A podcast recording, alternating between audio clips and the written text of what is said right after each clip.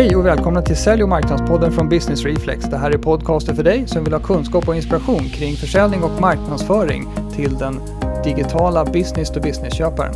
Jag heter Anders Hermansson. Det här avsnittet kanske inte riktigt har med försäljning och marknadsföring att göra, men jag önskar verkligen att ni lyssnar på det i alla fall. Jag ska intervjua en författare och föreläsare som heter Gunnel Ryner. Hon har skrivit en bok om hur man skapar sig ett fantastiskt liv. Den lata vägen. Och man behöver inte bli rädd för att känna att det är lättjefullt bara för att hon pratar om lathet. Hon har en ny take på det här med hur man förändrar saker och ting och jag tycker det ligger så himla mycket i det för hon pratar nämligen om alla de miljöer som vi har runt oss och kanske till viss mån inom oss.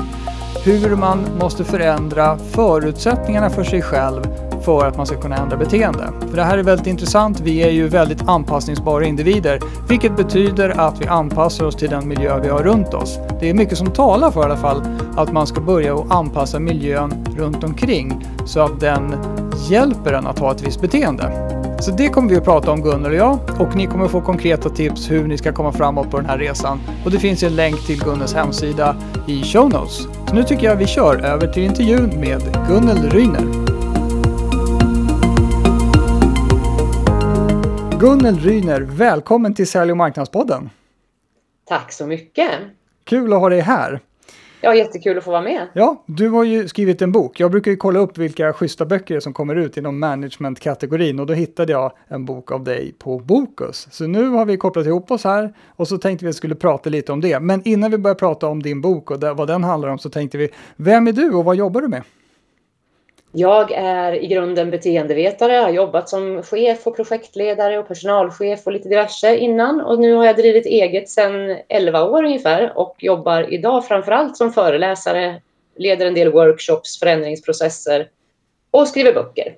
Härligt, bra mix där. Vad är, vad är det för typ av eh, människor du pratar för? Vad är, vilka, var är du populärast? alla kategorier skulle jag nog vilja säga. Ehm, ja, det kan verkligen vara allt ifrån ett stort gäng fastighetsskötare till eh, forskare. Liksom. Det är verkligen alla kategorier. Okej. Okay. Och då är det på, på ämnet? Oftast är jag ute och föreläser om det som min första bok handlar om. Det är styrkebaserad utveckling. Alltså att man bygger vidare, man letar efter det som funkar och försöker göra mer av det istället för att bara fastna i att åtgärda fel och brister. Ja, för det gör man ju ofta. Man tittar på det man är sämst och så ska man försöka jobba upp sig där, ja. Precis. Ja. Då kan man ju möjligen bli okej, okay, men du blir ju inte fenomenal på det sättet. Mm, intressant. Mm. Ja, men det, det, tycker jag var, det var, det kanske blir ett annat poddavsnitt då. Vi får se. Ja, det kan, du kanske får komma tillbaka. Hur, hur har du hamnat här? Du berättade lite grann om din bakgrund och att du hade varit chef och så Men hur, berätta lite mer. Berätta backstoryn här för oss. Jo, men ända sedan jag läste beteendevetenskap så har jag ju på något sätt vetat att jag vill jobba med att utveckla grupper, individer, chefer, ledare, organisationer. Att det är liksom där någonstans jag har min roll.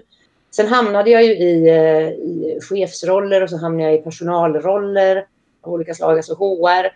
Och, och, då tyckte jag väl ungefär att hälften av det jobbet var kul. Jag gillar ju allt det här som hade med utveckling och förändring och, och utbildningar och ledarskap och coaching och sånt att göra. Men jag tyckte inte det var så kul med pensioner, löneförhandlingar eller lönerevisioner, MBL-förhandlingar. Alltså det här arbetsrättsliga var jag inte så intresserad av. Så, att, nej. så då tänkte jag att nej, men då får jag väl starta eget så jag får jobba med precis det jag vill. Skönt, vet du vad, mm. lite grann så var det med mig också. Även om jag, jag tyckte mer att jag gillade nästan allting jag höll på med, men själva settingen att vara, som jag var då, marknadschef och aldrig fick riktigt den budget jag ville ha och så vidare, fick hålla på och kämpa för min position inom bolaget och det. Jag ville hemskt gärna kunna låta bli med det. Det var mm. därför jag lyckades komma över i den här verksamheten som jag håller på med nu, där vi har liksom en byrå där alla älskar marknadsföring, man får jobba med folk som har samma intressen. Så det är lite, det, det är bra, då är vi båda sådana där som har lyckats ta steget, som inte är helt lätt faktiskt. Nej, och sen för mig var det egentligen inte det här med att driva eget som var grejer, utan det var mer ett medel för att nå målet och få jobba med det jag ville jobba med. Det fanns inte så många anställningar att söka inom det. Så att, men sen har jag ju insett att, att starta eget är det bästa jag någonsin har gjort. Jag skulle aldrig kunna inrätta mig i att ha en chef igen. Nej, det är faran. Det går ju liksom inte. Nej, precis. Men du, boken vi ska prata om, vad heter den? Den heter Den lata vägen till ett fantastiskt liv och arbetsliv. Gud, vilken publikfriande titel, är det inte det? The easy way out.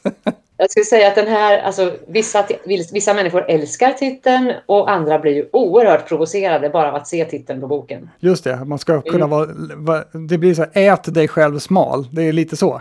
Ja, lite så. Man ska mm. tro, men det är, inte, det är inte det vi ska snacka om, eller hur? Det är, det är inte bara lathet, tror jag, som ska... Absolut inte. Det handlar ju inte om att ligga i hängmattan och tro att allt ska komma till en, utan det handlar mer om att jobba lite smartare, så att man kan unna sig att vara lite mer lat. Ja, men om, mm. om man tänker så, då, då, förstår vi att det ska vara ett fantastiskt liv. Men, men vad, skulle, vad lägger du själv, även om jag förstår, du får inte svara att det är individuellt, men så, vad, vad är det här, vad, vad är meningen och, och syftet med hela den här grejen? Alltså vad, vad, själva, vad jag menar med fantastiskt liv? Ja, eller? precis. Vad, vad, är, vad lägger du i det? Ja, jag kan inte säga annat än att det är individuellt. jag kan inte det, för det finns ju ingen färdig definition av det där. Alltså det, och det går jag ju in på ganska mycket i början av boken. Att för att ha någon nytta av boken så behöver man först fundera på vad vill jag med mitt liv? Vad är mina mål? Vad, är, vad brinner jag för? Och hur vill jag att mitt liv ska se ut? Liksom? Mm. Vem vill jag vara som person? Och har jag något specifikt jag vill uppnå? Eh, så det där utgår helt och hållet från var och en. För en del kan det ju vara att jag vill göra karriär och tjäna massor av pengar. Det kanske är ett fantastiskt liv för någon. För någon annan är det värsta mardrömmen. Jag vill bara ligga på soffan och må bra. Just det. Och det är ja. okej okay, det också så att säga. Ja. Mm. Ja, men det, då vart det ju individuellt likt förbaskat. Men det, det är ja, bra att det finns... Det är, det är individuellt. Ja, det finns en spännvidd på vad man, vad man kan hitta på för någonting då. Men hör du, i, i boken, eh, i inledningen där i alla fall, så, så finns det någonting om miljöns påverkan. Vill du att vi ska börja där? För att det, du pratar ju väldigt mycket, eller ta själva konceptet egentligen, för det finns ju så mycket självhjälpsböcker där det handlar om att man ska gräva i sig själv och börja inifrån och sånt där. Berätta om, om din take på det här, för den är, tycker jag är ganska annorlunda och trevlig. Mm. Ja, men den här boken är ju en, man kan säga att det är en reaktion på all traditionell självhjälpslitteratur där nästan allt handlar om dig själv, att du ska vara viljestark och motiverad och du ska sätta mål och du ska kämpa och vara, ha mycket självdisciplin och så vidare. Och tänka positivt och träna mentalt. Ja, men allt handlar om dig själv. Och då tycker jag att det perspektivet glömmer bort en helt avgörande faktor och det är ju hur mycket vi påverkas av vår miljö. Och om du, om du har en riktigt kass miljö, då kommer du ha väldigt svårt att nå dina mål, även om du är väldigt disciplinerad och viljestark. Du får kämpa i uppförsbacke hela tiden. Så boken vänder på det hela och säger att håll inte på och försök förändra dig själv så mycket, utan förändra din miljö istället och låt den ge dig skjuts framåt. Intressant. Så då, och, och då, får man ju, då börjar man ju genast undra, vad menar du med miljö då? Mm.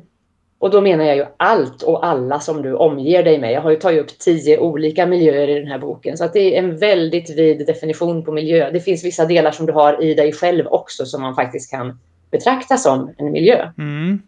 Och, och det är de här man ska försöka anpassa då så att de inte står i konflikt med, det, med mina på något sätt ambitioner, de här aspirationerna. Eller? Att de stöder dina mål och gör att du kan åka lite mer rutschkana mot målen istället för att klättra upp för höga berg för att nå dit du vill. Ja, för det, för det är väl ofta så, om man skulle ta fram en sån här schablonbild över folk som ska nå mål, då ska man mm. bestiga berg. Ja. Eller hur? Defy ja, det är, gravity, det är grejen liksom. Det är sällan du ser rutschkanor. Nej, verkligen inte. Ja, men vad roligt. Så vad, hur ska vi göra nu? Ska vi prata om de här tio olika miljöerna och försöka göra bilden så konkret som möjligt av vad man behöver tänka på. Ja, det är ju du som bestämmer, Anders. Ja, men jag, jag tror det. Det, bara, det, kan vara så att det blir för mycket. Tio blir för jobb. Folk kommer inte att komma ihåg alla. Men vi börjar med, ska vi börja fall med att det finns yttre och inre miljöer? Ja, precis. Yttre och inre. Och yttre är ju de som jag kanske tycker är... Alltså det som är lite nytt med den här boken. Eh, det är ju att vi, vi påverkas så mycket av allt vi har omkring oss då. Så de yttre miljöerna, nu ska jag försöka komma ihåg dem själv här, så har vi ju din fysiska miljö, alltså alla saker och platser som du omger dig med. Mm. Eh, vi har eh, relationer, de närmaste människorna du umgås med, din familj och närmaste vänner. Vi har nätverk som är alla andra människor du känner. Så har vi ekonomi som man faktiskt också kan se som en miljö, alltså hela din ekonomiska situation och ditt förhållningssätt till pengar. Jaha, vänta, pausa lite, för, för det där tänker man ju oftast att pengar blir ofta på resultatsidan av saker och ting. Mm. Men det är klart, det påverkar, den nuvarande ekonomiska situationen påverkar såklart ja, både hur jag mår och vad jag kan göra. Är det så Ja. man ska tänka? Ja, precis. Alltså det kan ju vara otroligt stressande för vissa till exempel om man känner att man lever lite på gränsen hela tiden eller att man inte vet hur man ska betala räkningar nästa månad. Det kan ta väldigt mycket av din energi. Verkligen. Och då är det en miljö som håller dig tillbaka och hindrar dig för den tar för mycket av den energi som du kunde använt till annat. Mm. Men, men, hur, men det fixar man ju inte bara så här. Ja, då fixar vi ekonomin och så. Nej, det, det är klart att man inte gör bara sådär, men man kan ju ändå tänka till och fundera på, alltså man kan ju ändå försöka skapa sig någon slags trygghet i sin ekonomi då, att man ser över vad har jag för inkomster och utgifter? Finns det någonting jag kan påverka här? Eller kan jag åtminstone se till att göra en, alltså kanske en budget eller någonting så att jag känner mig lite mer trygg i att jag vet vad jag har att röra mig med. Mm. Just det, det kan vara så att situationen i sig, alltså inställningen till situationen, det är väl lite så här buddhistiskt tänker jag också, sen att man måste gilla läget också och anpassa sig Ja. lite grann till. Men, men för, för ekonomin känns det som en, jag har svårt att liksom riktigt tänka mig hur man skulle kunna påverka, men jag förstår hur du menar, att man kan... Fast du kan ju typ skaffa dig ett extra jobb eller skär ner på en utgift. Eller, liksom, alltså du kan ju göra förändringar i din ekonomiska situation. Du kan ska, andra saker i ekonomin det är att förenkla sina ekonomiska rutiner till Mm. exempel. Eller att ta hjälp. För det, i den här miljön ingår också alla dina redskap och verktyg, internetbanker och, och eh, bokföringsprogram eller vad du nu använder. Och bankrådgivare, försäkringsrådgivare, trygghetssystem, a-kassa och försäkring. Alltså det är hela konceptet. Ja. Ganska mycket man kan titta på där om man vill. Ja, det har du rätt i. Så vad, och de här andra miljöerna då? Nu kanske jag avbröt dig mitt i här. I din Jag ska uppräkning. tillbaka. Eh, då, då ska vi se, då har vi tagit en ekonomi. Då är det naturen. Det är ju ganska självklart att man kan se naturen som en miljö. Och det är ju också en miljö som, jag skulle säga, den, alla människor har ju ett behov av att få vistas i natur eller ha kontakt med natur. Det här är ju någonting som är djupt rotat i oss, att vi mår bra av kontakt med natur. Ehm, så där kan man ju liksom se över hur kan jag, vilka platser i naturen mår jag bra av? Var kan jag ladda mina batterier? Var skulle jag behöva tillbringa lite mer tid kanske?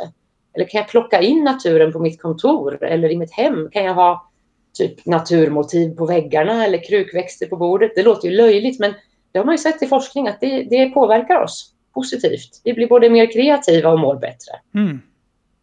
Intressant. Så det finns ganska små saker man kan göra också för att förbättra det stora. Och, och sen har vi då just det där kanske att tillåta sig att ta promenaden och titta på någon fågel lite då och då. Kan... Ja, bara gå ut och sätta sig vid ett träd. Liksom. Mm. Eller titta ut genom fönstret om du har natur utanför fönstret. Just det, det har jag som en egen sån här stress relief när jag springer omkring. Att jag stannar och lyssnar på fåglar. Det är, Ja. ah, det är underbart. Bra grej.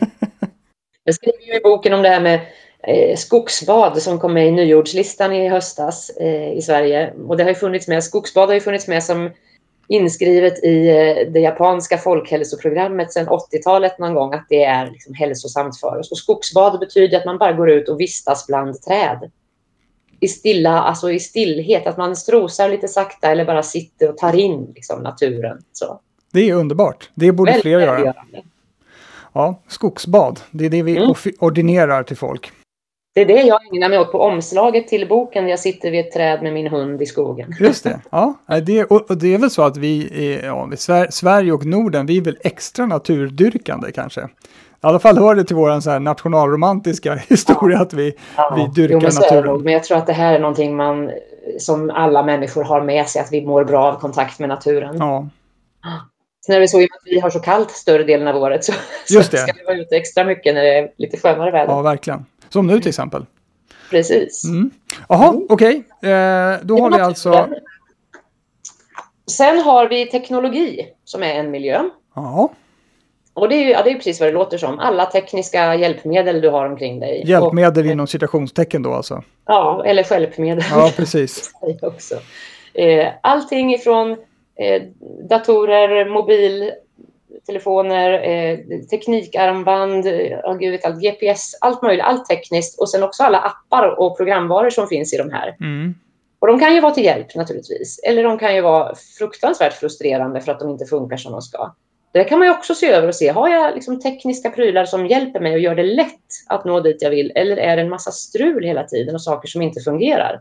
Kan jag ta mer hjälp av de här? Finns det kanske appar jag kan installera som kan hjälpa mig att nå mina mål? Typ om jag vill äta hälsosamt, ja men det finns ju appar för allt. Liksom. Hur du lagar vegetarisk mat med nya recept varje dag. Eller när du ska träna så finns det ju appar som hjälper dig att hålla reda på det. Och, ja, effektivitet och så vidare. Du kan ju använda det här till jättemycket. Absolut. Och jag har ju, ehm, jag, tar mig själv som exempel hela tiden. Jag, jag har ju, eh, för att återigen sänka stressnivån, stängt av massa notiser. För där är ju verkligen skälpläge, när det plingar och plångar om allting hela tiden. Så att man själv bestämmer när man vill hålla på med telefonen. Och vissa avinstallerar ju till och med sociala medier från telefonen. Ja, jag har inte riktigt kommit dit än. Kanske snart, vi får se. Varje gång man vill gå in på Facebook så måste man först installera appen. Ja, just det. det. är lite mer motstånd och ta, då kanske man inte gör det lika ofta. Nej, precis. Och det är lite det det handlar om då, alltså det här med eh, både den fysiska miljön och även eh, den teknologiska miljön. Att, att utforma sin fysiska miljö på ett sätt som gör att det blir lätt att göra rätt. Mm. Och inte bara att den ska ge dig hjälp framåt utan att du ska fatta rätt beslut och ägna dig åt rätt beteenden också och inte ägna dig åt fel beteenden. De ska vara lite mer svåråtkomliga. Mm, just det. Man kan tänka lite som i nudging som ju är ett populärt begrepp här. Richard Thaler som fick Nobelpriset i ekonomi i höstas, han myntade ju det där begreppet.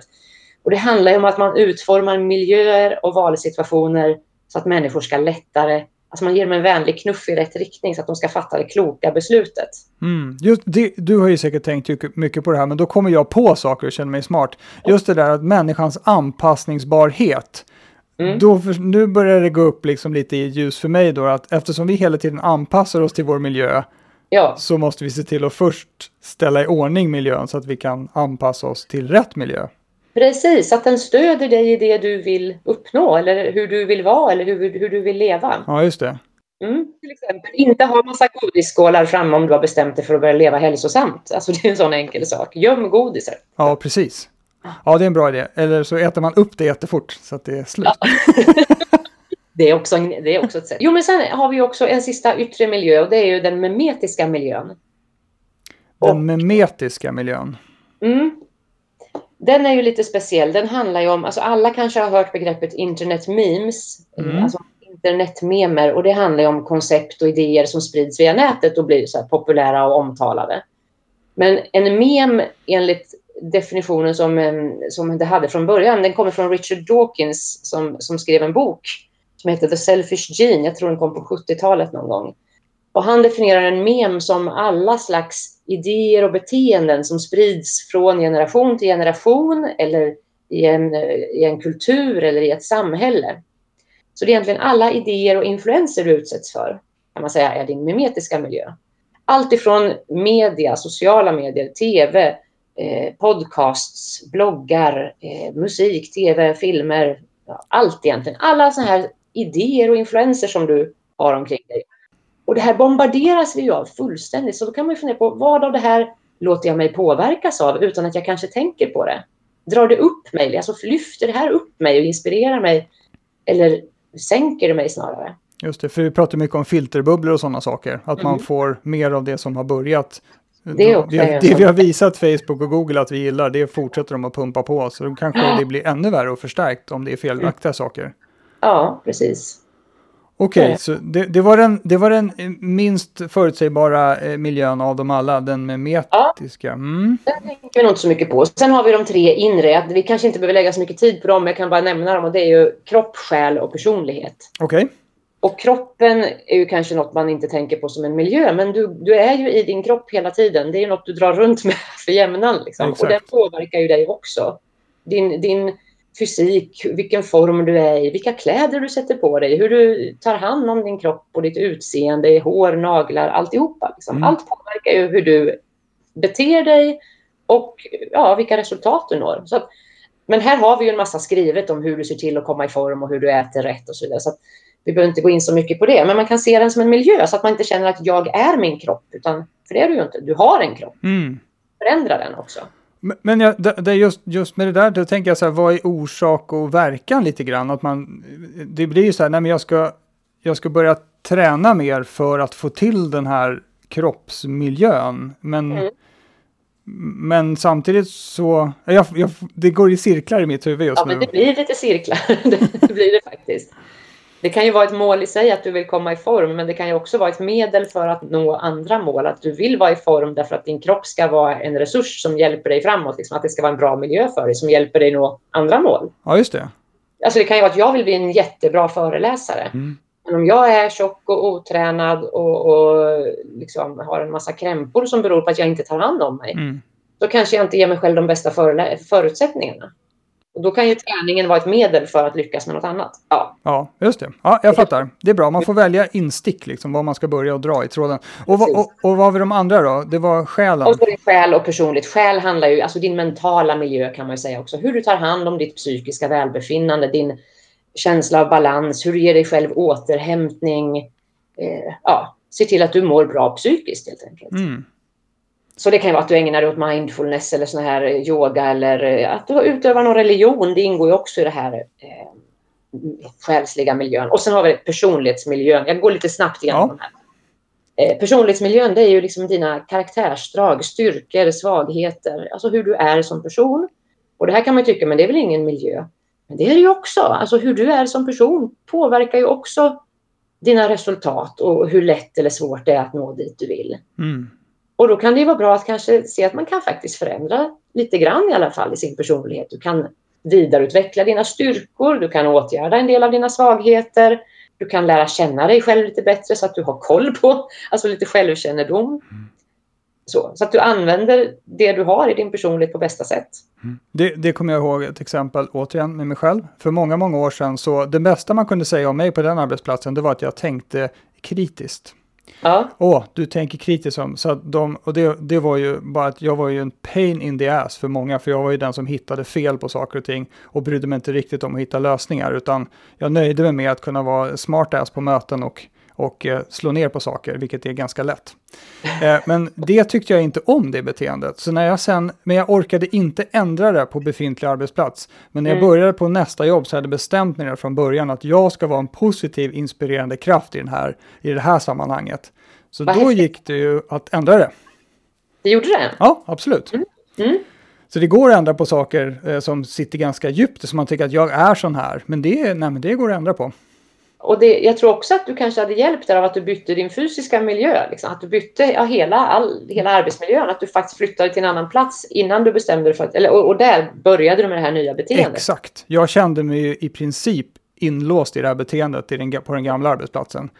Och det tror jag kan gälla många barn också i skolan om man tänker att man är klassens clownen, man är den stöddiga. Man, sen blir man det och så kan man liksom inte ta sig ur. För omgivningen har redan lärt sig att identifiera en som en viss person.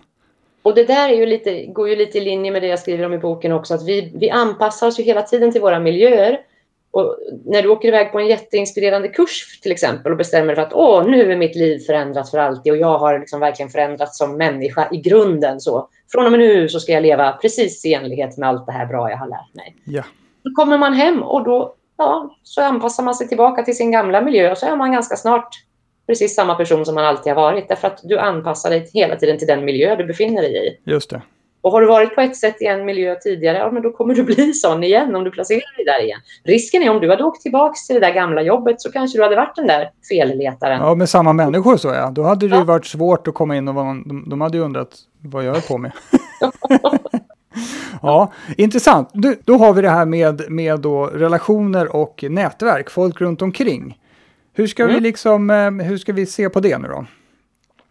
Jo, då ska vi se på det. Det tycker jag är kanske en av de allra viktigaste miljöerna och också kanske en som, som faktiskt är ganska lätt att göra något åt, åtminstone delvis. För det handlar om att du blir som du umgås. Alltså du blir som de du tillbringar mest tid med. Det finns massor av forskning kring det här som visar att vi smittas. Alltså beteenden, vanor, karriärambitioner eller ambitioner överhuvudtaget Eh, allting smittar. Mm. Så att om du vill förändra dig själv så är det absolut smartaste sättet att omge dig med andra människor som redan har de beteenden och vanor och karaktärsdrag som du vill ha. Mm. För då kommer du dras med. Om du umgås med, med massor med folk som till exempel tränar jättemycket och motionerar och tar hand om sig själva, men då ökar ju sannolikheten dramatiskt att du kommer dras med där och också bete dig så. Men om du umgås med folk som bara säger, ja, men ta med dig en chipspåse så spelar vi lite tv-spel. Mm. Ja, då blir det, då, då blir det, det så. Mm. Och, och, eh, det här tänker jag, det, det har ju då, jag, jag, försöker koppla över det här nu till företags och näringslivssidan av det hela. Och mm. då, börjar, då kommer vi in på företagskultur naturligtvis och mm. hur viktigt det är att man har en arbetsplats där man passar och som ger en energi helt enkelt. Ja, och då, och, och, då har vi, och, och, då, då blir det ju liksom lite mer konkret då det här med värderingar och, och så. Hur tänker du, de som du föreläser för eller om du gör andra saker, vad, vad, hur pratar ni kring det där? Eh, när man kommer in på organisationen kanske, lite mer mm. än bara individen. Mm. Ja, men det är samma sak där och jag tar ju upp det också i boken att eh, när, vi, när vi pratar om arbetsmiljö så handlar det oftast bara om det här som det finns lagkrav på, att du ska göra riskbedömningar och du ska undanröja risker, risker och sånt som folk kan bli skadade eller sjuka av. Och jag tycker att man borde ha en mycket, mycket högre ambitionsnivå för arbetsmiljön och tänka på hur mycket den påverkar inte bara hur vi mår utan också hur vi utvecklas och hur vi presterar. Och om man kan skapa en riktigt fenomenal arbetsmiljö som också ger den här skjutsen framåt, liksom, ger lite rutschkana framåt mm. och, och, gör det lätt att vi lyfter varandra helt enkelt. Det tycker jag skulle vara optimalt. Och då tror jag då måste man ju börja prata om det här på arbetsplatserna. Och faktiskt diskutera hur, hur skapar vi till exempel en social arbetsmiljö? Hur vi, för det är ju hur vi är mot varandra och det kan ju faktiskt alla vara med och påverka. Eh, hur, hur ser vi till att vi lyfter varandra? Hur ska vi bete oss mot varandra? Hur ska vi bemöta varandra? Vilken slags kultur vill vi ha? Man pratar om de frågorna. Mm. Och att man gärna gör det ur ett perspektiv där man tittar på det som redan funkar bra så att man inte bara letar efter ja minsann Kalle han är alltid så gnällig eller ja, det är alltid så tråkigt här. Alltså att man istället titta på när trivs jag som bäst på den här arbetsplatsen? När tycker jag det är riktigt kul att komma till jobbet? Vad är det som orsakar det? Kan vi göra mer av det? Där får vi in det här styrkebaserade som jag missionerar för så mycket. Ja, om det är intressant för det är alltid avvikelser och felhantering och sånt som man där blir man helt plötsligt traditionellt sett motiverad att göra någonting åt saken. Men, men eh, vi jobbar själva med en så kallad TIL-organisation här på Business Reflex. Jag vet inte om du känner till det. Men en. Jag har på begreppet men jag är inte jättebekant med det. Nej, det är en helt annan podd. Men i alla fall, det, det handlar mer om att, om att företaget och organisationen får utveckla sig mer organiskt. Alltså man ska försöka undanröja hinder för att folk ska må bra. Och, eh, mm. och sen får företaget lite grann bli det det så att säga ska bli man jämför det med en skog, att en skog, det blir ju den skog det ska bli beroende på vad det är för jordmån och klimat och vilka frön som blåser dit. Och så Just. får det liksom utvecklas mer organiskt så att, så att det inte är så mycket friktion och sådana saker. Och där är en väldigt viktig, eh, en viktig hörnsten i det här är någonting som kallas för wholeness. Att man, man erkänner på något sätt och jobbar med att det är faktiskt det hela människor som jobbar där. Man behöver mm. liksom inte ta på sig en arbets professionell arbetsroll i lika stor utsträckning som kanske i traditionella bolag, utan att man är den människa man är. Mm. Och det låter väldigt mycket är som... Är, den... är det inte det här med TIL som också handlar om lite mer demokratiska arbetsplatser, att man inte har en massa chefer och ledare utan att det är väldigt självstyrande? Väldigt mycket så. Vi ja. har, jag, jag råkar ju vara vd här, men det är ju synnerligen formellt. Och mm. så vi, vi har ju bestämt att här på Business Reflex kan vem som helst fatta vilket beslut som helst, förutsatt att man följer vår beslutsprocess, som mm. är en så kallad rådfrågningsprocess. Okay. Man ska fråga, alla de som kommer påverkas av beslutet ska frågas som råd innan man fattar det. Men sen fattar man det, så det är inte demokrati, det är inte konsensus, utan det är den som är mest engagerad i beslutet är den som fattar, men inte med mindre än att man har frågat om råd från mm. de som påverkas. Mm. Så, så, så, funkar vi och det, det, har, det har gjort, tror jag, väldigt, det har fått väldigt stora positiva konsekvenser för vår sociala miljö på, på det här bolaget. Det är jag helt övertygad om, för det där tror jag jättemycket på.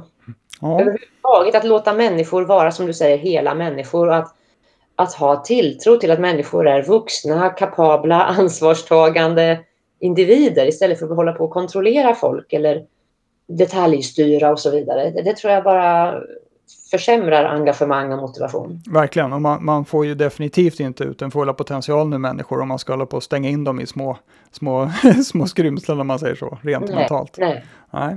Okej, okay, vad härligt. Nu ska vi se, vi har alltså pratat nu om den här annorlunda approachen. Vi, det känns som att vi kommer tillbaka till det styrkebaserade, så det tycker jag också är härligt. En positiv spin på förbättringsarbete. Och, och sen har vi då de här miljöerna där vi har ett antal externa miljöer där det handlar om det saker som påverkar oss från utsidan kan man säga. Mm. Och du tog upp då väldigt många fler saker än jag själv hade kunnat komma på vad det gäller miljöer.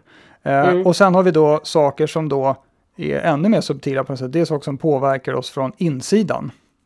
Ja. Finns det något, hur, hur ska man gå tillväga för att mm, liksom ta sig an det här? Fanns det inte någon sån här härlig recept här i boken med ett antal jo, steg? alltså det finns ju en hel metodik där med sju steg där man börjar med att först identifiera, jag kallar det ledstjärnor, men att man egentligen sätter upp sina mål eller sina vad det är man, som är viktigt för dig. Det behöver inte vara konkreta mål att du ska gå ner sju kilo i vikt eller att du ska sälja för en viss budget eller så, utan det kan vara nästan vad som helst. Då. Men att man bestämmer sig för vad är viktigt för mig och sen går man igenom alla de här tio miljöerna, ser över dem och funderar på ja, vad finns det i den här miljön som hindrar mig, som jag behöver ta bort. Det här kallar jag för toleranser, alltså sånt som suger energi eller håller mig tillbaka. Och toleranser, det är ju, kallas, kallar jag så. Jag har direkt översatt det här från ett engelskt begrepp, tolerations. Och det handlar om att det är saker vi tolererar, men som egentligen suger energi. Vi står Aha. ut med dem. Liksom. Man har lärt sig att leva med det där, för det har ju ja. alltid varit så. Typ. Men egentligen så hindrar de dig och det skulle vara mycket bättre om du slapp dem. Så att gör dig av med allt sånt som hindrar och håller dig tillbaka. Eller, eller som eh, gör att du ägnar dig åt fel beteenden, typ godisskålen som ett enkelt mm. exempel. Eh, sen handlar det om att titta i alla sina miljöer också. Vad är det som redan hjälper mig i rätt riktning? Vad är det som faktiskt ger mig skjuts framåt? Vad har jag för människor omkring mig som verkligen inspirerar mig, ger mig sådär, är goda förebilder eller tror på mig och stöttar mig och hjälper mig framåt? Vad har jag, ja, vad har jag för influenser som verkligen lyfter mig?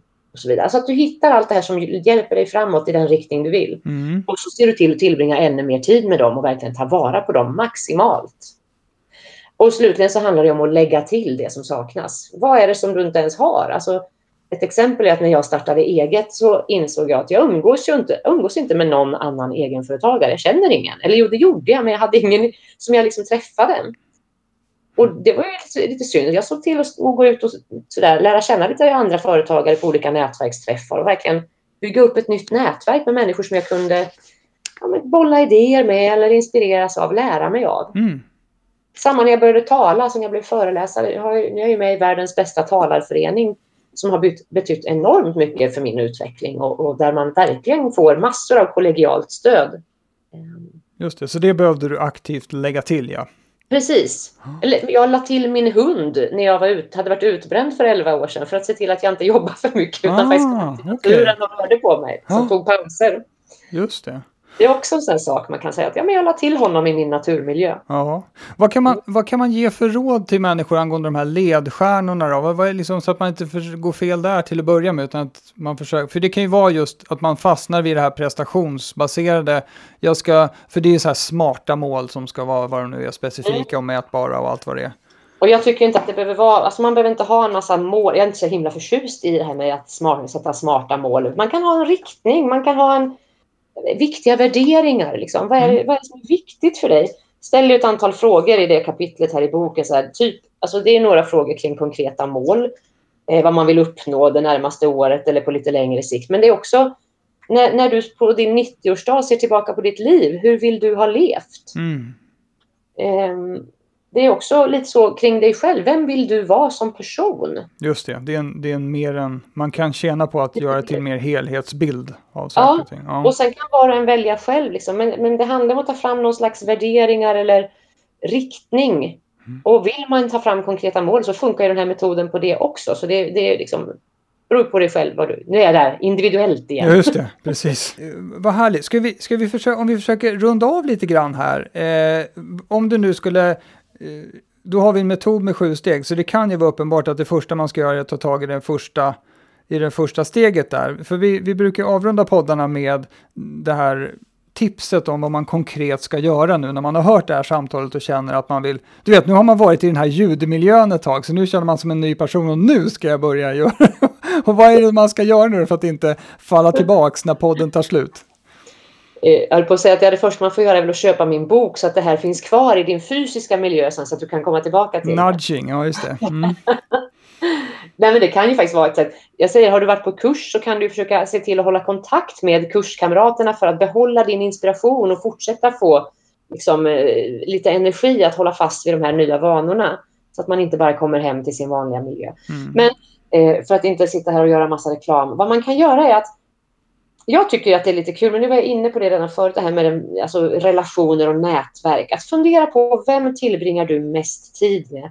Och är det de människorna som stöttar dig och tror på dig och inspirerar och lyfter dig? Eller finns det några andra du skulle vilja tillbringa mer tid med? Mm. Kanske bara välja ut en person som du känner att den där personen är jag så imponerad av. Jag bjuder den på lunch. Ja, just det. Jo, men så är det. Och det är alltså, har du rätt människor omkring dig så kan du också se att saker som du kanske inte ens hade på din karta, att de faktiskt dels är möjliga att göra och att det till och med skulle vara möjligt för dig att göra dem. Mm. Om du umgås med folk som har klarat av vissa saker. Jag har, jag har ju sådana i mitt nätverk, till exempel när det gäller att skriva och sälja böcker. Jag hade ju aldrig trott att jag skulle kunna sälja så många böcker som jag har gjort av den här senaste. Mm. Men då har jag skaffat mig en bästa kompis som jag lärde känna genom Talarföreningen för ett år sedan. Som har skrivit och sålt jättemycket böcker och som har lärt mig allt hon kan Ja. om marknadsföring av böcker. Mm. Och vi stämmer ju av våra topplisteplaceringar och pratar med varandra alltså flera gånger i veckan och verkligen lyfter varandra liksom, och hjälper varandra med idéer och tips och sådär. Härligt. Ha sådana människor omkring sig, det är ju fantastiskt. Ja, verkligen. Ja, vad kul, så då, då, är, då är liksom själva rekommendationen, det skulle kunna vara att titta på, en, som, jag, som jag också tänker är en väldigt kraftfull del av miljön, de människor man har runt omkring sig, för vi är ju, vad är det, var, flockvarelser trots allt, vi människor. Mm. Så att det påverkar troligtvis väldigt mycket. Eh, vad härligt, ska vi, ska vi avsluta med det då? Att se dig runt i miljön kring relation, relationer och nätverk så att du kollar av om det är sånt som suger energi ur dig eller som ger dig energi. Precis. Och är det så att det är någon sån här som suger energi som du inte kan göra dig av med riktigt, alltså det kan ju vara så att din partner kanske till viss del suger energi men också tillför energi i andra sammanhang. Då får du väl ta ett snack liksom, med partnern och se om du kanske inte kan göra dig av eller vill göra dig av med vederbörande. Eller, men du kanske kan förändra er relation och prata om det som stör. Mm, just det, så man kan ta tag i det. man- Precis, man, det var bra. Så att inte alla nu springer och säger upp sig och skiljer sig när de har hört precis. podden. Utan att man kan ta det lite soft. Ja. Ja, men vad bra! Men tack snälla för att du vill vara med i Sälj och marknadspodden. Jag tycker det var ett jätteintressant eh, ämne och det är som du säger, det, finns, det går ju 13 eh, självhjälpsböcker på dussinet, men jag tycker det var uppfriskande att den här har en liten annan vinkel på hur man skulle kunna ta sig an och få då ett fantastiskt liv. Precis, vad nu det innebär. Men Exakt. det är individuellt. Individuellt är det ja. Vad bra, men då får jag tacka dig så jättemycket för din tid. Tack snälla Anders för att jag fick vara med. Absolut. Hej då! Hej hej! Det här var allting vi hade att bjuda på från Sälj och marknadspodden för den här gången. Hoppas du tyckte att avsnittet med Gunnel var inspirerande och hjälpande eh, och att du tar tag i någonting i miljön som gör att du kan få ett lite bättre, kanske rent av fantastiskt liv. Och vad du än gör där ute så kom ihåg att vara relevant. Hej då!